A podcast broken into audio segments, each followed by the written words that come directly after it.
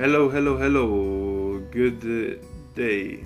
We are here uh, at uh, MIM Publishing. You're most welcome to check in and listen to my pod. It's going to be about uh, all daily rants about uh, business ideas, religion, mostly Islam, um, because I'm Muslim, and uh, technology technology feeds like uh, about 3D printing, about 3D design and drafting, 2D drafting, design in common.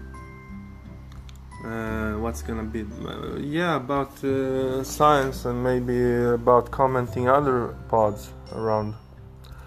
So please feel welcome and enjoy yourselves. That's the most important thing. Cheers.